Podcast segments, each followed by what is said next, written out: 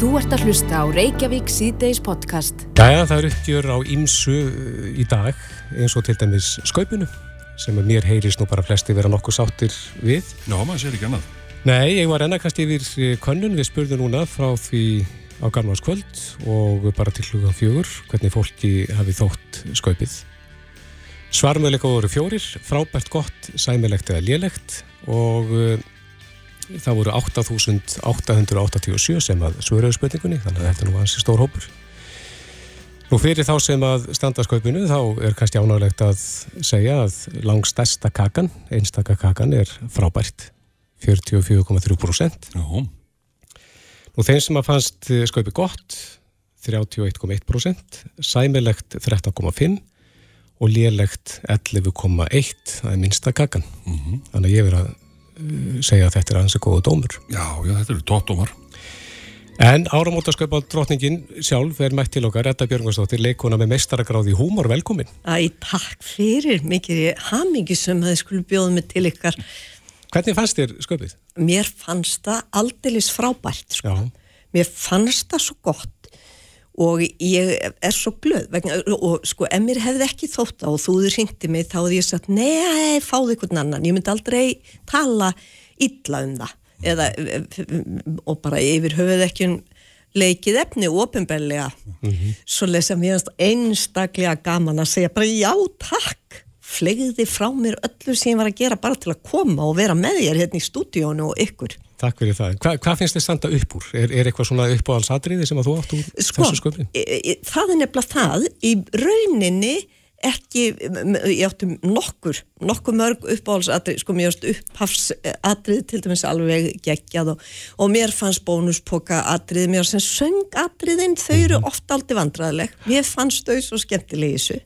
En sko það sem að, ég er búin að koma að stað eftir að hafa, ég held ég að við tengst, ég maður ekki, það er ekki stórbyrjunu 15-20 sköpin sem að ég hef tengst, mm -hmm. annarkvort bara sem leikari, leikari, höfundur e, leikstjóri, þið vitið alls konar aðkoma að þessum sköpum og þegar við byrjuðum, þegar við e, bárum ábyrð á sköpunu eða aðalega gíslirúnar og við vorum að skrifa með honum 81, þá þá sko brut við blað þá, þá uh, urðu atriði sem voru að megninu til laung uh, svona gamanvísna atriði í skaupunum og undan sem að flósaða með ótrúlega fyndin og skemmtileg fansmanni en rosalega laung atriði mm -hmm. þannig að við komum með miklu miklu stittri atriði en það er svolítið fyndið að því þetta er líkillin að því að hafa svona marga góða eða bara með stuttatrið og maður svona æmiðast ekki þáttu fann að hlæja bara eftir nokkra sekundur sko af því að það er komin annar skets mhm. -huh. sem að var þá fyndnari að þínu mati eða mínu mati heldur en eins sko þannig að, að, að það er einmitt hvað voru ofsalega mörg atriði í þessu og, það, og þetta eru ennþá stittri sketsar heldur en að við, við sko fólk bara, maður náði nú ekki þetta var bara svo ægilega mikið af röðum atriðum og fólk var svolítið pyrraði við því sem vildi fá lung söng atriði um kröpluvirkjun og svona eins og það hefði tíðkast sko Já En ég er alveg búin að afta mig á því að það er ein manneskja sem er þarna líkil manneskja, það er alltaf líkil manneskjur og það er hún Dóra Jóhansdóttir. Sko þau skaupp sem að mér við þótt mjög fyndin, þar er hún ansið mikið líkil manneskja, reitstjóri, handreitslegstjóri eins og þessu tilfelli, eitthvað svo leiðis og þetta er bara manneskja, við deilum húmor og greinilega þá er hún líka með þessa tækning sem mér finnst oft vanda hún kann að skrifa sketsa sem eru ekki of langir og sem eru með ákveðna uppbyggingu upp að miðju og endi. Þið vitið það þarf ekki að vera, vera skrítla með, með grín pöns í endan en þeim líkur og það hefur oft vantað og það er svo vandræðilegt sko. það er mjög erfitt að gera að enda skets til dæmis. Þannig er hún snillingur og þessi skaupp sem ég hef hleyið að undanfæðin ár þar er hún í ykkur líki hlutverki Já. Ég, ég verð að segja það þetta mm -hmm. er mhm. Dóra Jóhannsdaldið fyrir mér sko. Já, er það kannski tilfinning að uh, það hefur oft verið tekið sko, fyrir einhverjir þekktir í, í þjóðflæginu en þannig er alltaf verið að eh, einblýna bara á almenning, það er verið að skjóta alltaf á fólki í landinu Já, mjög skemmtilegt, en líka þarna fengu allir allir klíp í rassin, einhvern veginn, það var engin, það var ekki slagsíða á neitt, neitt flokk eða, eða, eða stjórnmála mann, það fengu allir sitt einhvern veginn og svo finnst mér svona, svona lítil innskott, ég man að við gerðum mjög kvikindisleg í einhverju skaupinu svona innslög um bækur, bókaauðlýsingar, þá, þá voru þær allsráðandi í sjómarpi og, og það, þær voru, voru mjög kvikindisleg lítil innslög hjá okkur og innslögin um, um spítalan, landspítalan, mm. sko á heimsmæli hvarðum ég þótti það svo gott, ofbóðslega einhvern veginn hitti mann og snýri snýri í sárinu. Bara vinsanlegast ekki hafa samband. Mm. ef eitthvað er ekki koma ekki nota þessa þjónustu Já, akkur þetta var svolítið stefið hjá heilsugjæslinni í það minnsta og að byggja fólk um að koma ekki. En þetta fóru öfugt ofan í einhverja við heyrum það í fréttum að hestamenn er ekki sáttir út af nýðstangar grínunu Já, já, já Já, áttuðu þess ekki á því að það var verið að gera grín að nýðingum. Já, mm -hmm. nei það er stundu sem að fólk er ekki, ég minna þegar ég var hérna með Bibb á brávallikun, það var mjög oft ringt yfir bara hvernig vogar hún sér að, að, að mæla með rasisma þessi kona, rugglu okkur saman sko, mm -hmm. áttuðu þess ekki á því að Bibba var að gera grína rasistum, hún var, hún var talsmaður e, e, e, hérna þess að 11% sem að skaupi lélegt sem að þið viti að búið rannsaka 11% hverja þjóðar er yfirleitt fíbl, fólk er fíbl mm og þannig þetta er svo hrókafullt núna ég svitna sko. Nei, nei, það eru þetta alltaf ákveðin prósenta sem að En viltu meina það að þeir sem að svöruði í þessari konun að sköpið var liðlegt eru 11%?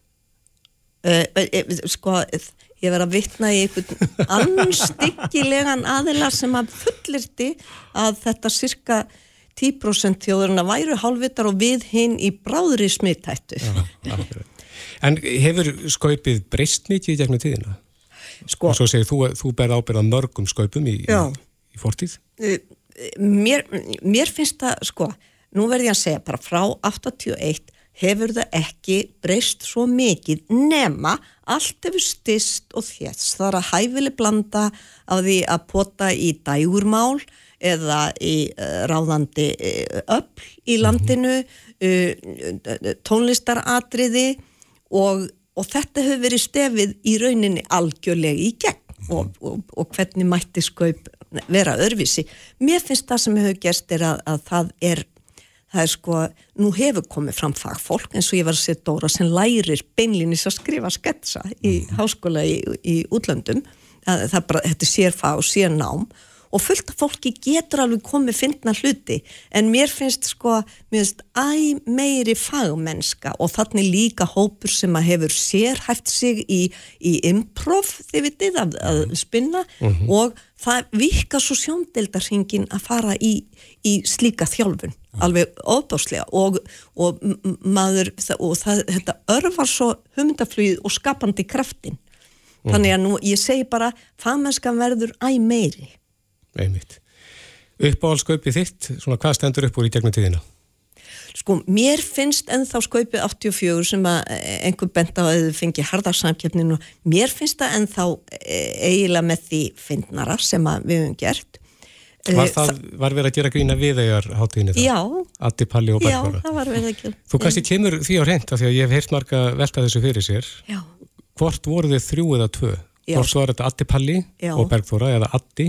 Palli og Berður Sko, e, nefnilega síðast þegar við vorum hérna að spá í þetta á fullist ég að væri þrjú eh, en Duna vill meina að það hafi verið hann Addi Palli Já. og Bergþóra vinkonas mm. og svo ég no. þannig að nú verð bara það er komið á reynd þetta, hún var höfundurinn að þessu sko. Eitt í lokin, eh, hvaða einhvern gefur þau sköpunu í ár?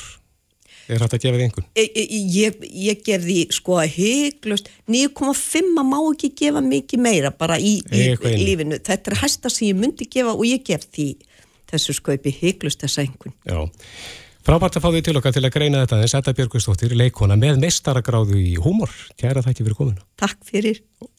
Þú ert að hlusta á Reykjavík C-Days podcast. Reykjavík síðdeis, klukkan 27 minúti gengin í 5 og uh, við erum fann að tellja nýr í heimsmyndstaramót Karla í handbólta. Já, það byrjar þann 11. janúar næstkomandi með þeir leik frakka og pólverja. Já. Pólverjar er raunur hérna, þjóðana sem er heldur nótið Mhm.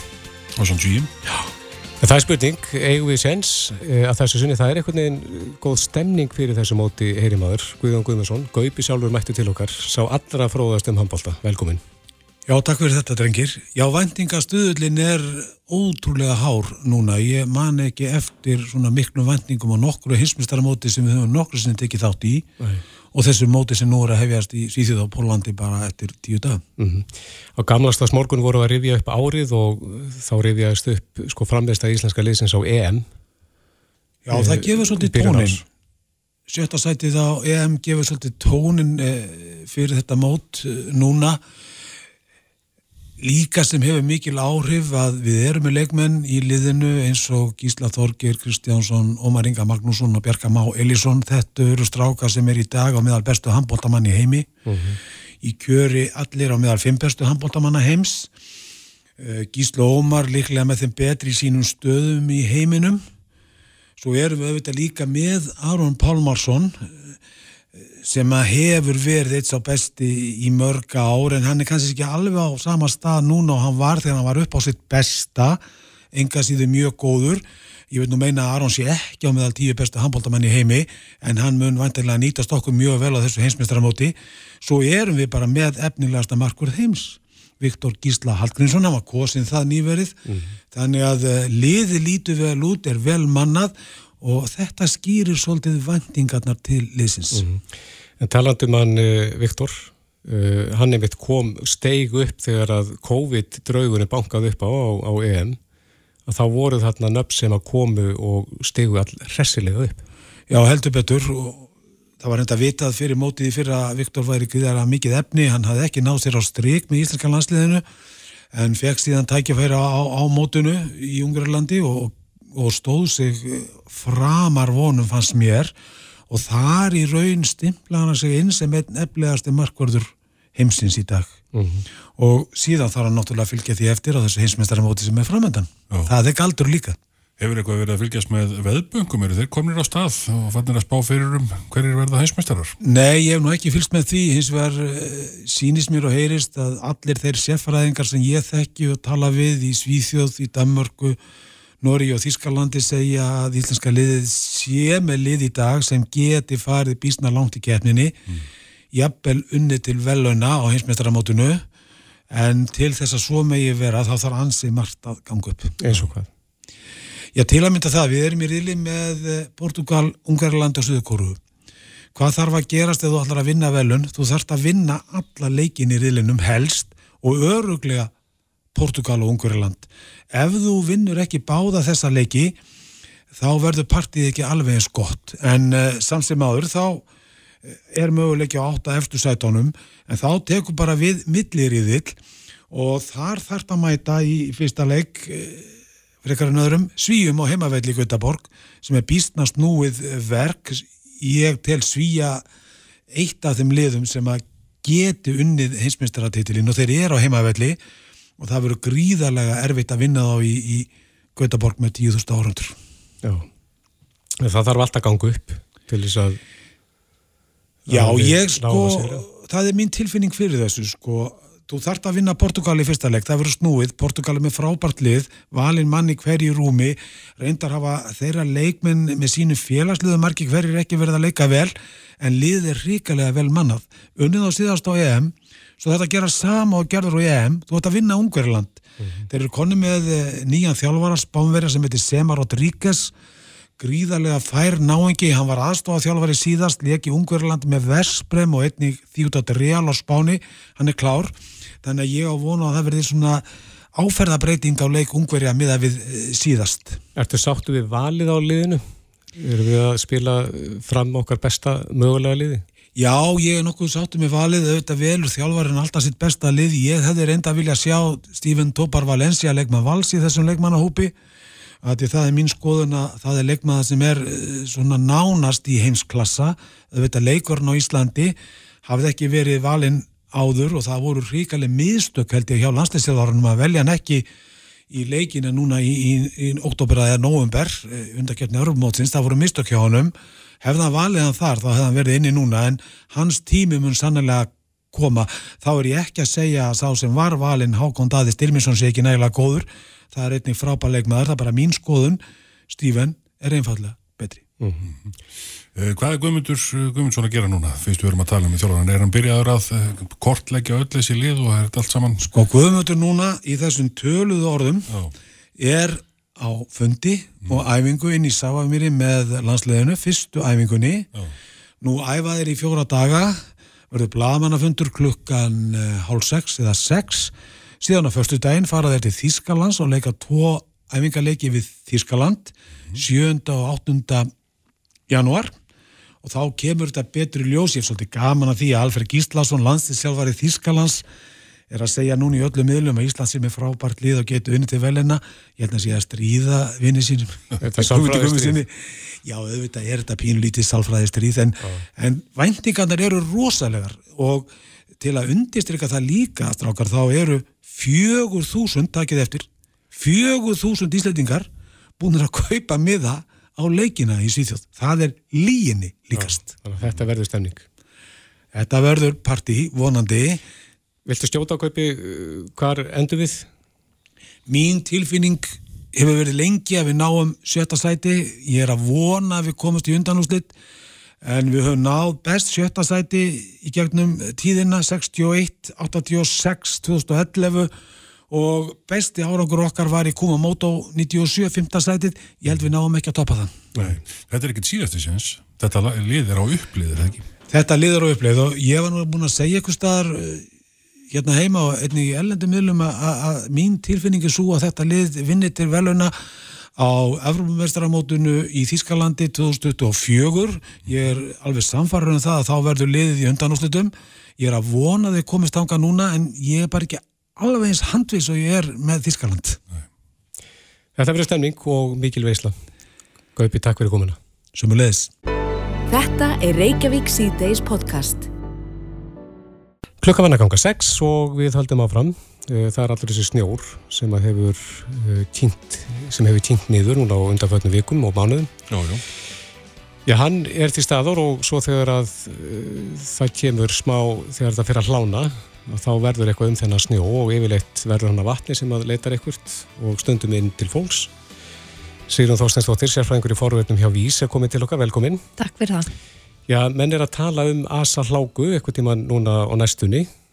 Já, það gæti orðið einhvað um næstu helgi, samt ekkert svona alveg gariteraði kortum, en á einhverju tímapunkti á þessi snjórallur eftir að brána, vonandi gerist það hægt og rólega en auðvitað getur að gesmi kalli. Mm -hmm. En bara svo litla hækkun á hittastígi sem að hefur núna verið í dag hefur gert það að völdum að ég heyrði nú einmitt í þeim sem er á bakvægt hjá okkur mm -hmm. og hann sagði að þetta er bara svona, einna, svona leiðilegri dögunum sko því að það er svo mikið um ringingar þar sem eru ekki bótaskild tjón og það er ekki mjög spennandi. Þannig að fólk er að lenda í tjón í dag þrátt fyrir eh, að það sé ekki mikill loft hitt úti? Á... Já, það verður stuga. Það er bara raun og veru það sem við erum svolítið að sjá að er að gerast að e, það grennar þær eru meira og minna fullar af klaka mm -hmm. og snjórin finnur sína leið og hefur farið undir e, þakkplötur og þess að það svo hlínar aðeins og þá fer vatnið að, að hérna, eða snjórin að þinna og vatnið finnur alltaf sína leið og finnur minnstu sprungur og annað þjúli mm. Þannig að það er að koma inn og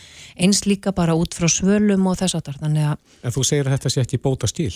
Nei, e, yfir gegnum gangandi er það ekki. Hvað er liggja mörki? Það er mörk, mörki liggja að, að lekin þarf að vera innan veggja heimilisins en ekki að utan. Það, það er uh, sjálfna sem að það er bótaskild Já Þannig að því miður eru margir að lemda í því að það fyrir að leka, eða byrja að leka núna í dag og, og þess vegna er alveg ótrúlega mikilvægt að fólk geri allt það sem það getur mm -hmm. til að reyna fyrirbyggja þessi tjón og ég til dæmis fór út í morgun og mókaði burt frá öllum veggjum á húsinu hjá okkur.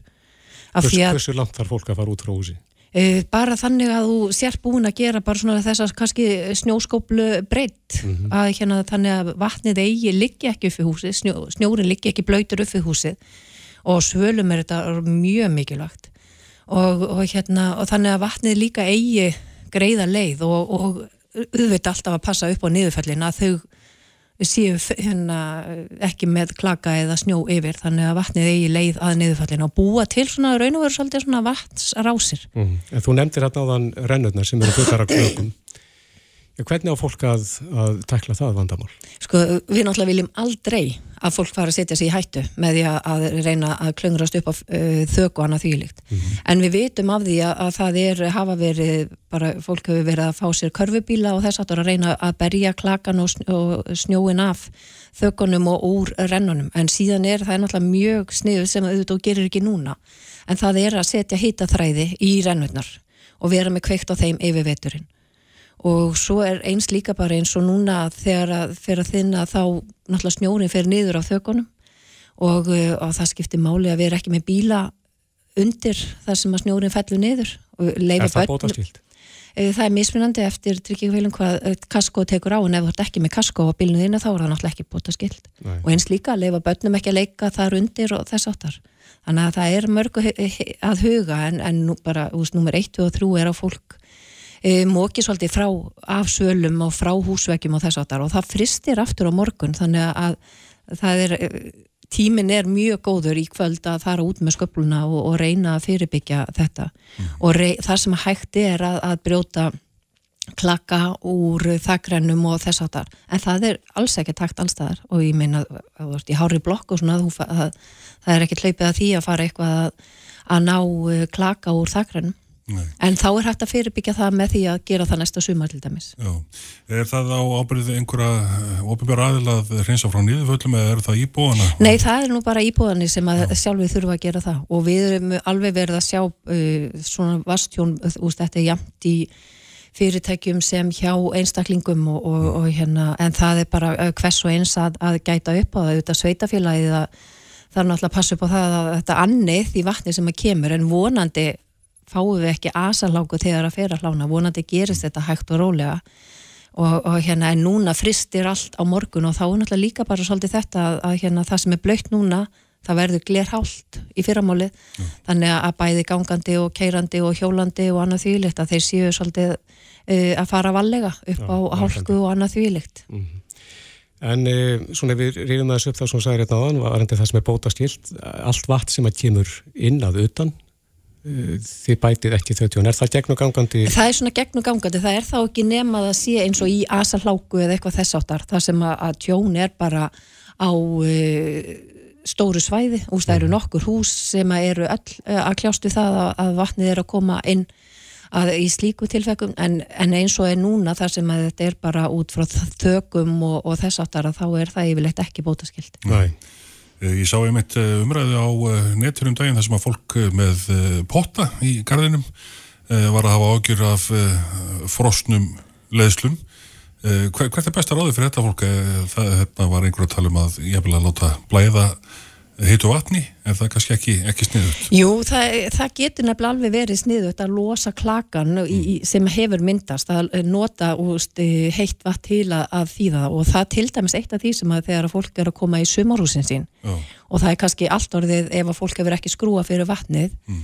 og það er frosið í lögnum að þá getur náði í gegn með því bara að skrúa frá heitavatninu ef að það er ekki frosið Já. og láta það renna og það getur það hitað upp kaldavaslögnina en við raun og veru sko, held ég að við eigum eftir að sjá ennþá fleiri eh, við, við erum ekki farin að sjá all, eh, tjónin í sumarhúsin til dæmis vegna þess að nú er frostakablin búin að vera ótrúlega langur oh.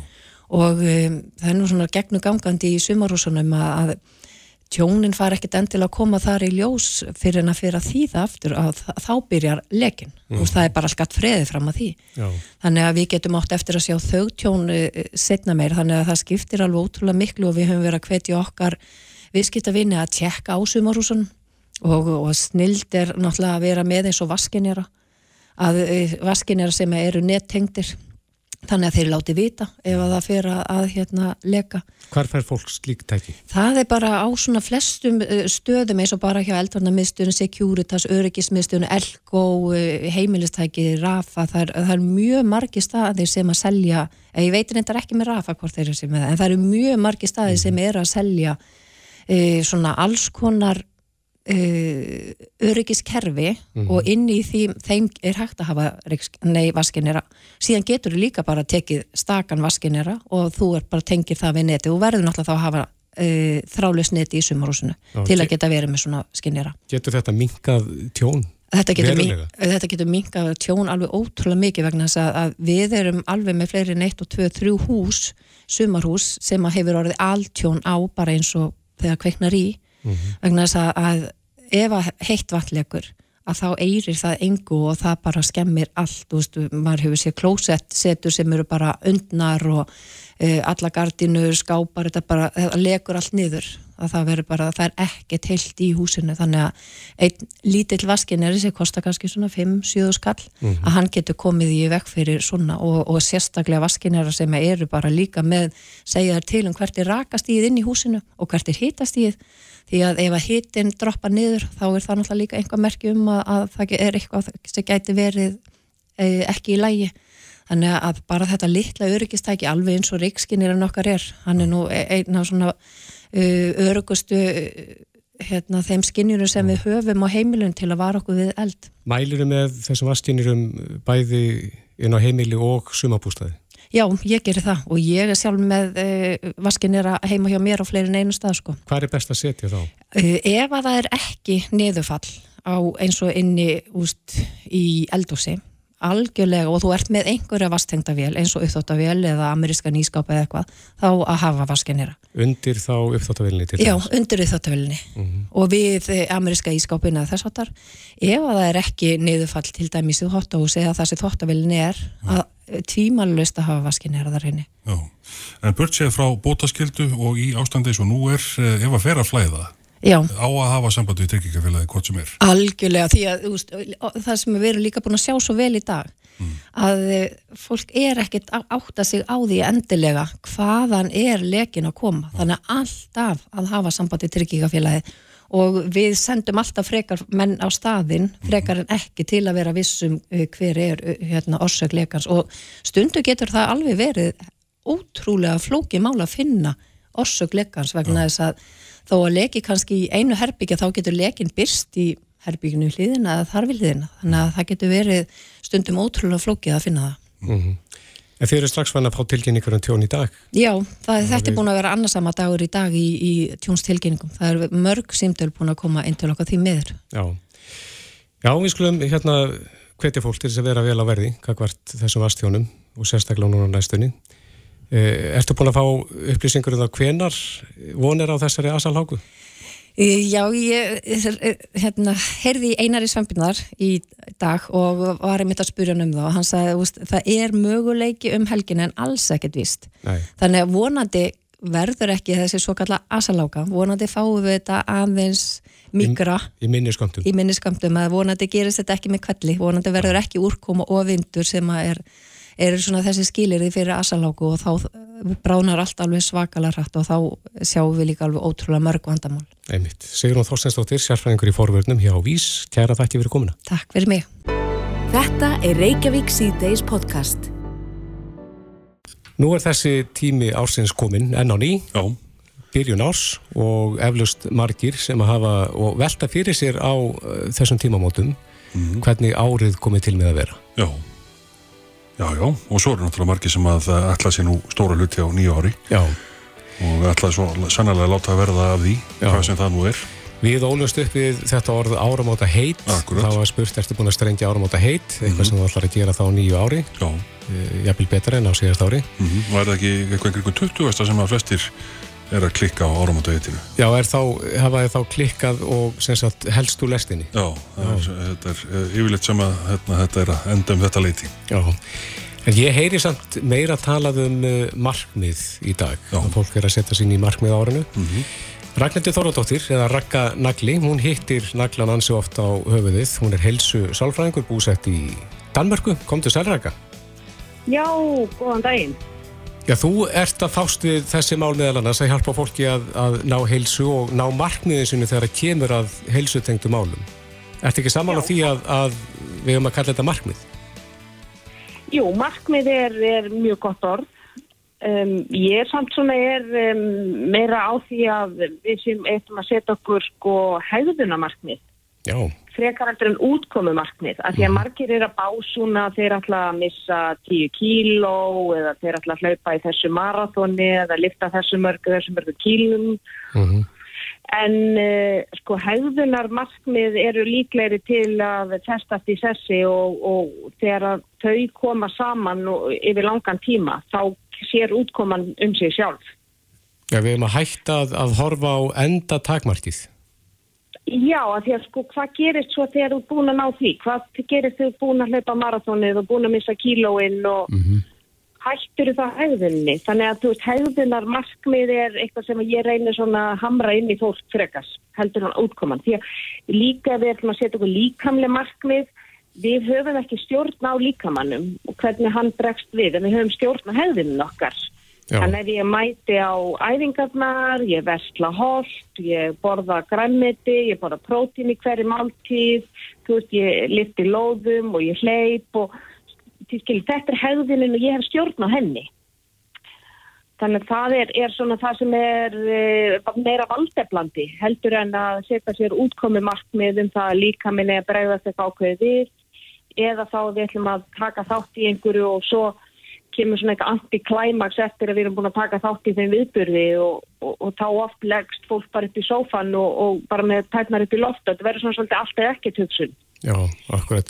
Þannig að það snýst miklu meira um ferðalagi sjálft heldur en, heldur en endastöðina.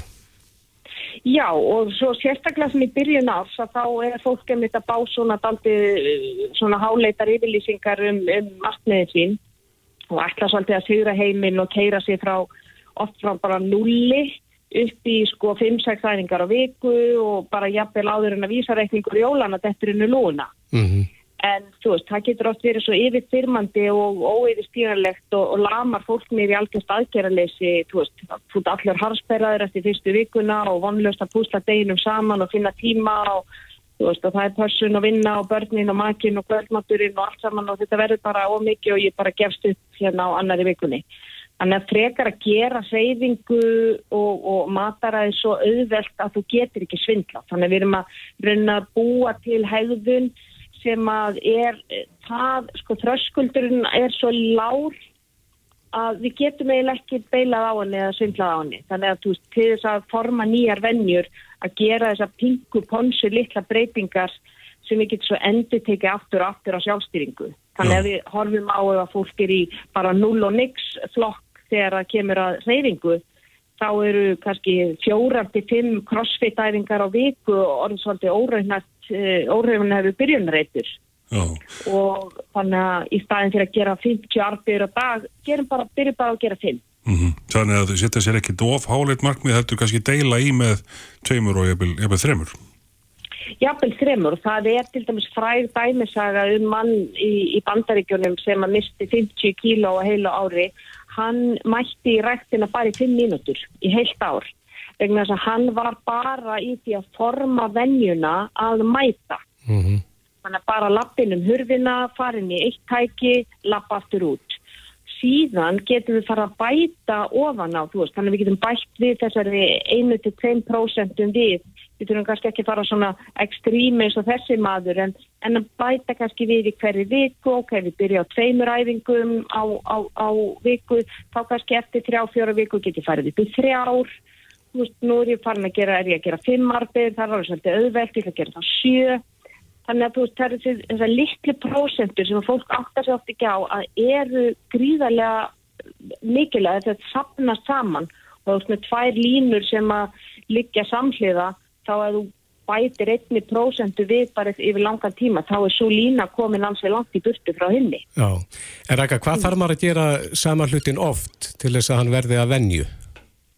Það fer eftir venjunni, það fer eftir hegðunni og, og það er svona talað um sko 20-30 daga að koma hegðun upp í vana en ég myndi segja sko 60-90 daga til dæmis þegar kemur erfiðri hegðun eins og til dæmis reyfingu Mm og, og hotlu mataræði og það líka eftir hvar, hvar stöndu við núna, veist, er ég bara í, í take away og, og, og fer aldrei í rættina, þá, þá þurfum að gera svolítið raunhafar breytingar um, eða svo raun af kröfu til okkar sjálfs að þetta mun kannski ekki bara verða, við verðum ekki hérna fyrst með seiki annari eftir, eftir mánu sko. Þetta, er, þetta tekur langa tíma það er sálfræðir ansóknum sína það, veist, þetta er svona ákveðin hegðunarstiga, stigbreytinga sem er kallað og fólk dettur alveg frá því að það vera sko vennjan sé árið þörst í sessi og svo bara dettur ég eftir lút og það hefur gert gerða rannsóknar þegar fólk er að hætta að reykja, þegar fólk er að byrja að seifa sig, svona einsa helsu hegðun og hún þykir svona frekar erfiðari. En við erum með ansið marga hegð, eh, svona vennjur sem að við erum fastar í sessi hjá okkur og ef við ætlum að eh, búa til nýja vennju þá er oft gott að hlekkjana við aðra vennju sem er först í sessi. Þannig að til dæmis eins og við kampustum okkur öll á morgnana og kvöldin. Þannig að ef að við viljum fara að byrja að nota tannþráð meira, þá hlekkjum við þá hegðum við kampustunina. Þannig að við, við höfum tannþráðin í hliðin á kampustanum.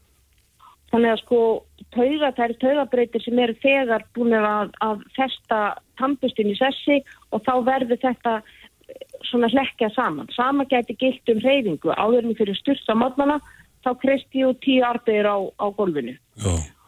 Og að þróa með sér þessa rútínu er opáslega mikilvægt. Að gera hlutin alltaf í sömu röð. Þannig að þú veist, ef við erum að fara í á, á æfingu, til dæmis eftir vinnu, að þá fer ég inn í bílinn og ég kannski stilli á einhver ákveðna tónlist sem að kemur í gýrin, veist, ég byrja að drekka eitthvað svona pre-workout, veist, þetta er svona ákveðin rútína og ritual sem að, sem að hefur áhrif á okkur. Já, svo er náttúrulega sumi sem að eh, kannski vil ekki endilega einblýna á líkamlega þáttin heldur bara að bæta sér sem mannesku. Eru það bara sömu skrefi sem að fólk þarf að taka?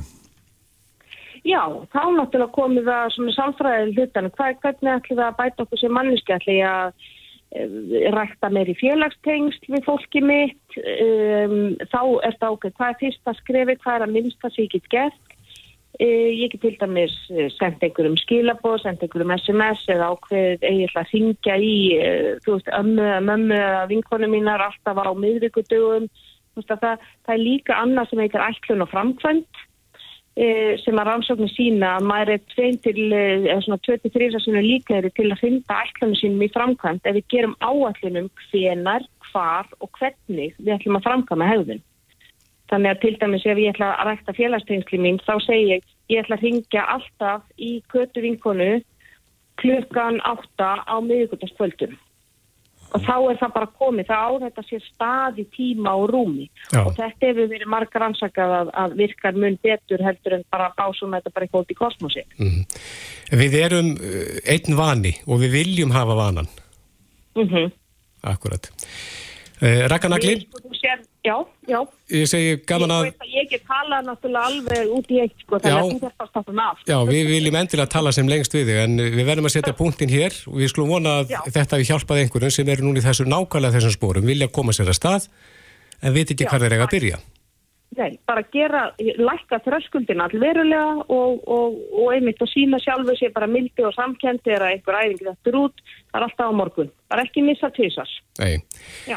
Rakanagli, heilsu sálfræðingur, kæra þakki fyrir þetta og bestu kveðu til Kaupmannhafnar. Takk fyrir mig, bestu kveðu sem er leiðis. Bless, bless. Reykjavík síðdeis á Bilginni podcast. En eh, hann er rauninu upp janúarmánuður, nýtt ár og eh, það hefur nú svona, já, þetta er ekki aldra fyrirbæri að Nei. kalla þennan mánuð veganúar. Nei, En það eru margir sem að eru að stíka sin fyrstu skref í veganismannum í þessu mánuðu og svona kannski nota tækifærið að prófa. E, þessu verkefni hefur nú ekki verið hleyft á stokkonum e, svona af alvöru en, en það gerist held ég á morgun með stílstað. Hún er komið til okkar til að ræða veganisma og, og veganúar. Dóra Svavastóttir, maturæslimestari, með sérhefingu í, er það ekki vegan eða grænletisréttum? Já, Velkomin. það er rétt. Já, takk fyrir það. Já, ég hérna átti óra græmiðsreitingastæðin á næstu grusum í tíu ára ef einhverju mun eftir honum Já. og svo sagt, er ég með fyrirtæki sem heiti Kulína og byrjaði sem veistlega þjónusta með sér hafingu í græmiðsreitum og vegan mm -hmm. og líka að vinna fyrir fólk með alls konar óþól og ofnami og svo er ég núna alfari fann að snúa mér að kennslu og námskeiðahaldi. Já, og það er mitt ástæðan fyrir því að þú ert komin hingað, þú ert að fara að halda námskeið fyrir, fyrir þá sem vilja og er að stíga sín fyrstu skrifið það ekki. Akkurat, ég er með tvö námskeið núna allavega sem eru búðauðlisa sem að heita Viltu verið vegan og verð 11. og 16. janúar með þau í hústjómaskólanum og þetta eru semst verkleg maturslu námskeið og já, þú talar um þetta sé kannski ekki aldra fyrir bara með veganúar en þetta er hérna uh, áttunda árið sem þau eru að starta þessu. Mhm. uh, nei, sjönda, 2016 voru ég svo lílega að talja það var fyrsta skipti sem samtök grænkjara byrjuði með veganúar Já, en finnur þú fyrir því að fólk á oft er, erfitt með að koma sér að stað? Já, og svona kannski að velta fyrir hvar það er að byrja? Akkurat, það er vandamálið og uh, það sem ég, þú veist, þetta hefur náttúrulega notið meiri og meiri hitli, ég er búin að vera svona alla þessa öld í grænkjara, uh, hérna í kringu græmyndisrétti og græmyndisstaði og það er náttúrulega úrvalið hefur náttúrulega bara gjörbreyst, það er, það er alltaf náðu miklu öðveldra, en hins vegar kannski það sem hefur gerst núna að uh, Uh, það hefur aukist mikið úrvalið að tilbúnum réttum og það sem er kannski talsett unnið. En fólki vantar ennþá bara þessa grunn þekkingu, hvernig get ég eldað geggjaðan græmitismat úr bara þessu græmiti sem að fæst út í bónus eða netto eða króninni á þess að fara að hlaupa í sjö hérna mismunandi búðir og líka bara hérna mikið unni matur er ekkit endilega góður fyrir okkur hvort sem hann er vegan eða ekki og þá líka kostar hann svolítið mikið meira. En það er ekkert að bara, þetta er mjög gott fyrir buttuna að vera, fara út í grænkjærafærið og nota bönir og nota græmitið og nota bara þetta sem að fæst. Já. Er það alltið uh, algengt að vörur uh, í vegarflokkunum séu svona að reyna kannski að vera uh, einhver matara sem að þekkir, þetta er svona eins og skinka, þetta er eins og kjúklingur, þetta er eins og hitt og þetta. Já, ég menna það er alltaf eitthvað af því Já, en er Eh, það kannski á undanhaldi? Ég veit það ekki, það, það er erfitt að segja og ég meina því að við veitum það er bara það er fullt að nóti sem er, sem er til og, og, og ekki það að þú veist ég sé hallmæla neina af þessu þannilega en uh, bara allavega það sem ég er að bjóða upp á eru bara námskið það sem er bara elda stráng heiðalega græmitismat bara frá grunni úr hérna svona alvöru ráfni sem ég þekkjum öll. Já, og reyna að nýta okkur líka náttúrulega þetta sem að nýjungarna sem hefa komið inn bara hvernig við getum kryttað þetta og hvernig við getum bara notið þess að mm. borða bræðgóðan mat með góður í saminsku En Hvernig fi- finnst þér áhugin verið að aukast á Klár. þessum lífstíl? klárlega, klárlega og þess, þetta náttúrulega þessi vitundavakning sem veganúar er hefur, hefur bara alveg gjörbreytt landslæginu þetta farin ár, það er mikið af fólki sem ákveður bara, hefur ég ætla að prófa, prófa þennan mánuð og svo allt í einu eru mánuð þetta er náttúrulega tveir eða tíu eða bara jáfnvel nokkur ár sko en síðan líka er þetta spurning sko, hérna ég er náttúrulega bara, er bara nálgast þetta út frá maturslunni Eh, vegan er náttúrulega bara stór hugmyndafræði líka, bara náttúrulega dýraverfverð og, og, og hérna, já, lífsskoðun ef svo má að verið komast. Eh, en ég, eins og segi, ég eh, fókusa bara á hérna matrisluna í, í þessum. Ert þú vegan sjálf? Nei, ég er það nefnilega ekki. Það er nefnilega, mér finnst stundum vera pínu hræstnari að vera að kenna þetta, en ég er sem sagt matrismestari og kennari og áttu og rekk þessa græmiti staði og hérna, og ég veit bara, ég hef heilmikið að segja og heilmikið að deila. Já, akkurat. En hvar, hvar byrjar fólk? Er Hvað er fyrsta skrefið? Su- Sumir halda að ef þeir farið til þetta þá borðið þið nánast ekki neitt, mjög einhæft fæði.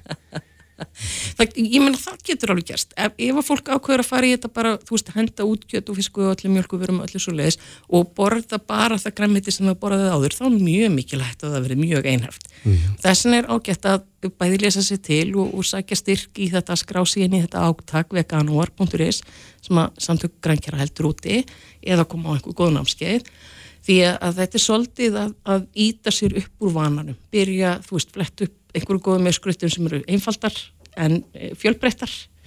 Og því að það er nefnilega mikil miskilingur að þetta sé bræðlítið eða einhæft fæði því að í rauninni þá ertu að borða allan regnbóðan þegar að hérna ef við erum með fjölbreytt græmiti fyrir framann okkur. En hvað þarf fólk að hafa í huga? Er vantar einhver efni eða eitthvað sem að fólk þarf að bæta sér upp með öðru? uh, náttúrulega bara allir Íslendingar þurfa að taka D-vitamin. Það er náttúrulega bara líka út af þessu myrkri það nóti og uh, þú veist það er erfitt að fá B12 bara úr veganfæði en annars er þetta ef við erum að hérna borða fjölbreytt græminsfæði þá á fólk að ná öllu sem það þarf sko Já, hvað með prótín? Herðu, þetta er brilljant spurning. Þá ætlum ég að spyrja það annars spurningar móti. Þekkir þú einhvern á Vesturlöndin sem er bara ekki með einhvern undirleikjandi sjúkdóm sem þjóðast að prótinskorti? Nei. Nei, það er nefnilega, við erum í brjálaður í prótín ofneslu. Svona heilt yfir. Mhm. Og bara það er rosa mikið prótín í, til dæmis í bönum, hnetum, fræjum, uh, allar hérna svona havramjölkin og möndlumjölkin og allt þetta eru mjög góðir hérna prótíngjafar. Þannig að það þarf ekki að hafa neinar áhyggjur ef maður er sæmilega fjöl, með fjölbreytt fæði. En svo hef ég heyrt að mörgum líka sem að kannski vil ekki stíga, kannski skrifi alveg, alveg til fulls. Við erum elskað til dæmis egg, osta og slíkt. Já, akkurat. Og þarna ég mitt eins og segi, ég meina það er bara, það myndi gera plánutin okkar rosalega gott ef að við bara mingum kjöt át, að minnst kost, og mingum dýraafurð át.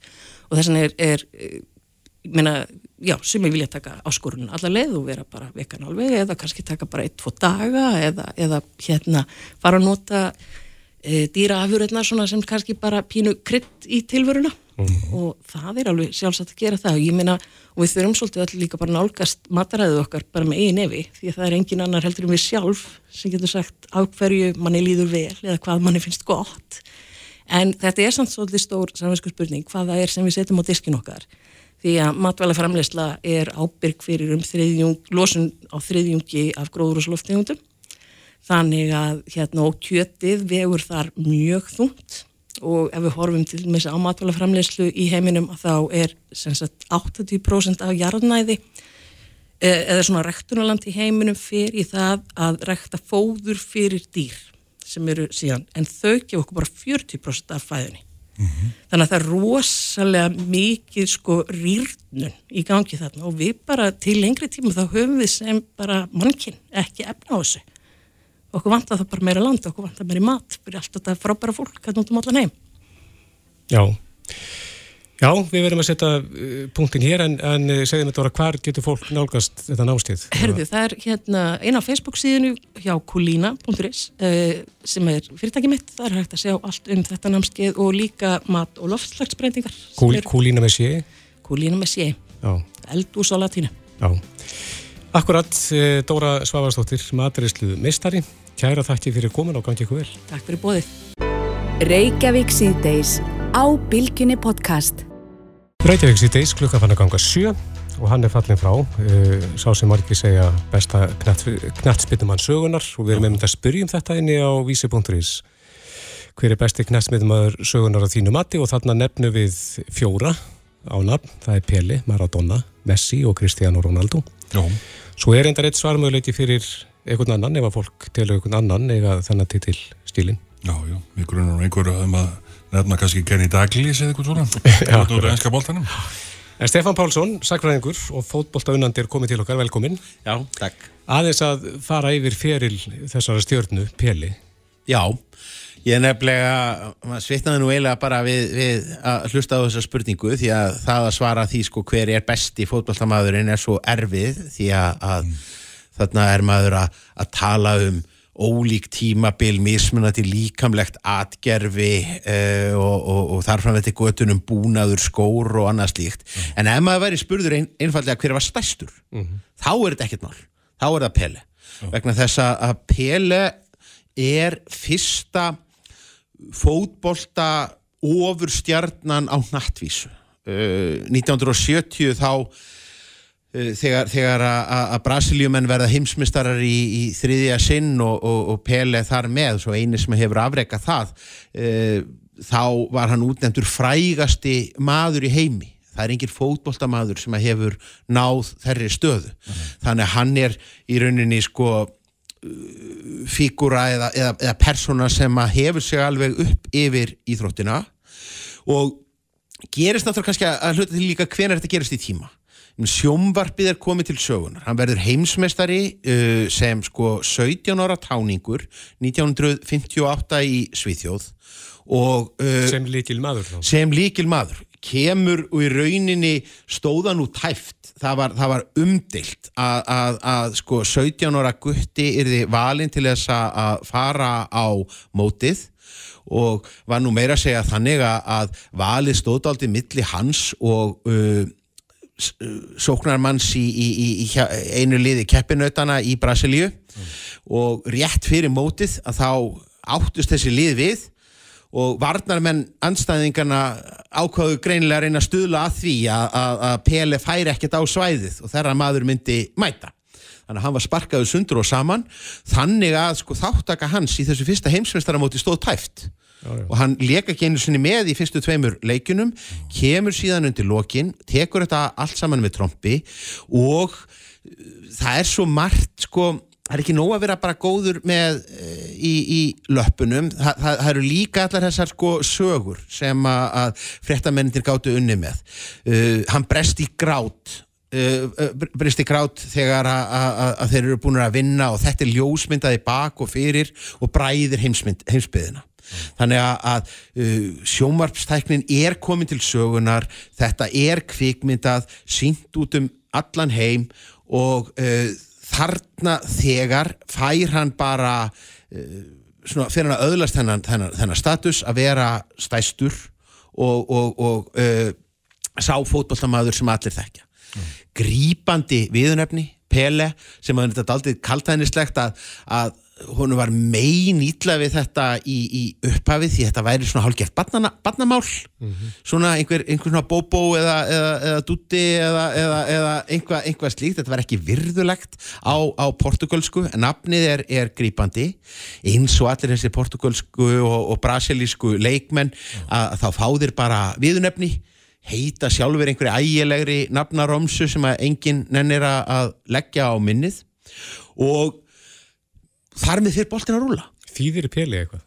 Nei, þetta er í rauninni, það er ekki einu svona ljóst hver, hver er upprunni þessa. Þannig eins og ég segi, þetta er svona þetta er svona babl, gælu, gælunafn en, en, en verður mjög, mjög, mjög grípandi. Og það skiptir máli að hann er hann er þeld okkur uh, fótballtamaður og, og svona fyrsta ofur íþróttastjarnan sem er, er svört á þeim tíma þegar að hvítir íþróttamenn dóminera í, í, í uh, heiminum sem þýðir það að þriði heimurinn hann bara tekur hann upp á arma sína frá, frá fyrstu stundu.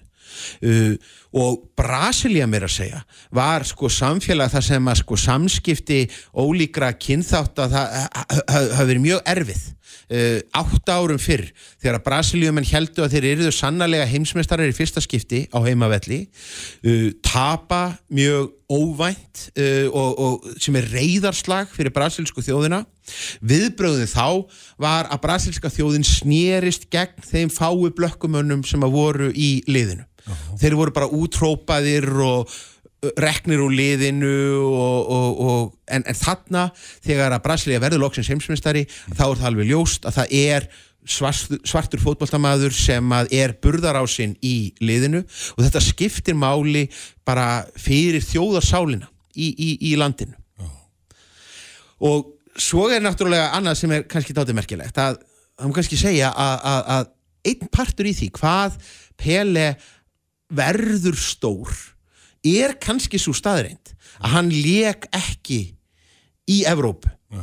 Ef hann hefði farið til Evrópu og, og, og gengi til liðs við eitt af stórliðunum þar sem hefði þá verið á Ítalíu eða verið á, á, á Spáni e, þá hefði hann kannski lokast dálítið mikið inni í, í e, því landi því að fótboltin var ekki orðin þessi hnattvæta íþrótt.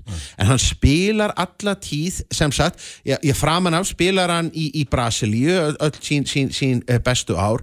Hjá eh, félaginu sem hann gengur til liðs við sem táningur Santos, sem var ekkert stórlið uh, áttu svona nokkur, nokkur, nokkur góð ár og brasilíska deildin hún er mjög ófullkomin. Þetta, hún byggist upp af, af, af svona staðbundnum lokal deildum og uh, fyrir vikið þá f- er þetta samtóslið í endalausum reysum út um allan heim bara til þess að afla peninga.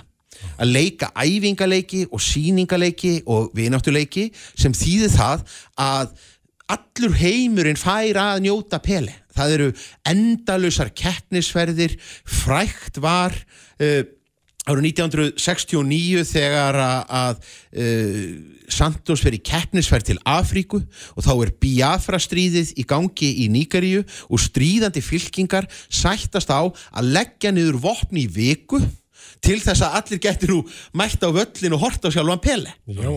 þannig að eins og ég segi það, það eru, eru engi leikmenn í sögu knatsbyrnunar sem að- eiga aðrar eins sögur Varðan heimsmeistari þrísvar með Brasilíu? Já, hann verður þri, eh, heimsmeistari þrísvar og samt aldrei merkilegt að HM-sagan hans er afskaplega súrsætt því að, jú, jú, hann, hann byrjar þarna bara eh, táningurinn og verður heimsmeistari 1958 fjórum árum setna þá tekst Brasilíumönnum að verja titilinn en þá er Pele meittur nánast allan tíman hann fekk ekki einu sinni heimsveistara medalíu þá vegna þess að þú þurftur að leika í úrslitaleiknum til að fá hana, FIFA kifti því í liðin síðar. Og svo enn fjórum árum síðar uh, þegar að móti fór fram á Englandi þá er hann sparkaður í spað af uh, mótarjum og, og, og hérna uh, og Brasilia uh, fellur úr leik strax í, í reyðlakeppninni eftir það lýsir Pele því yfir að hann sé hættur að leika með landsliðinu. Að hérna og muni ekki keppa á fleiri heimsveistaramótum hann er dekstraður til þess af uh, bara herfóringastjórninni sem er við völd í, í Brasilíu og hann fæst til að taka þátt á mótinu 1970 og þar svona líkur það svona er, er, er seinasta skipti þar sem hann virkilega glansar á hinn og alþjóðlega sviði er í stórkostlegu liði Brasilíumanna sem hefðu nú sennilega unnið mótið ánans en hann er samt í stóru hlutverki. Hann skorar hann skorar, hann skorar eða leggur upp helming marka Brasilíumanna í uh, mótinu og þetta er mót þar sem að sko litasjónvarstæknin er komin, þetta er sínt út um allan heim og hann endanlega innsiklar sína stöðu sem þessi risi í fótboltanum svo spilar hann nokkur ár áfram í, í, í heimalandinu leggur skóna á hilluna en fær svo tilbóð um að snúa aftur til bandaríkjana og hann endar ferilsinn hjá uh, hérna New York Cosmos uh, sem að er í rauninni sem mjög sérkennlegt fyrirbæri því þetta er fótbollalið sem er í eigu Warner samsteipunar þannig að þetta var þetta, var eins mikil svona í svona auglýsinga og, og, og sjónvarpsmennska og, og fótboltin á þessum tíma í bandaríkunum er algjört jáðar fyrirbæri á ekki sjens í stóru hefðbundnu bandarísku sjónvarsýþróttirnar en þegar að Pele kemur og fær fáherðar fjárhæðir greittar og vak- vaksa kannski svona hugrenningatengsl við, við, við fregnir sem að berast af, af Cristiano Ronaldo sem er núna að fara til, til Saudi Arabíu uh, þá mætir hann þarna sem þessi ofurstjarnar allir í bandaríkunum vilja horfa á, á uh, Pele og horfa á New York Cosmos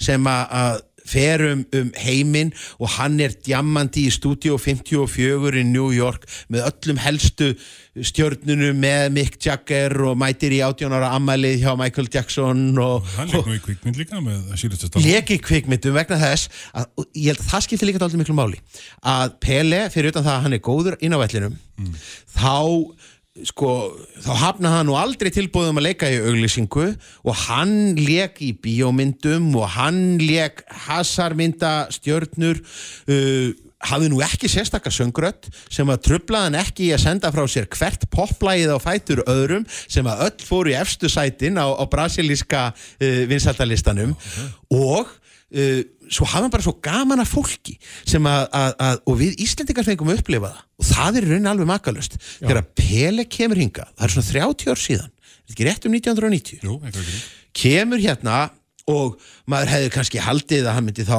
mæta í kringluna og skrifa á einhverjar treyjur og mæta svo á bestastæðu og fara heim. Nei, hann er bara dregin í ringferðum landið áskeri Sigurvinn sinni og einhverjum fulltrúum frá KSI og það eru krakkar vítt og breytt um Ísland, hvort sem það er höfni hotnafyrði eða vestmannegjum eða, eða neskupstað Akureyri, hinn og þessi félög hérna á höfuborgarsvæðinu hann mætir á æfingar uh, tekur myndir, lætur taka myndir af sér með öllum krökkunum og heldur einhverjum boltum á, á lofti og þarfum til göttunum og þetta, hann, hann, hann gerir þetta í áratugi og það er náttúrulega líkilatrið í því hvað hann hefur rísa stóra stöðu í fótboltanum Já.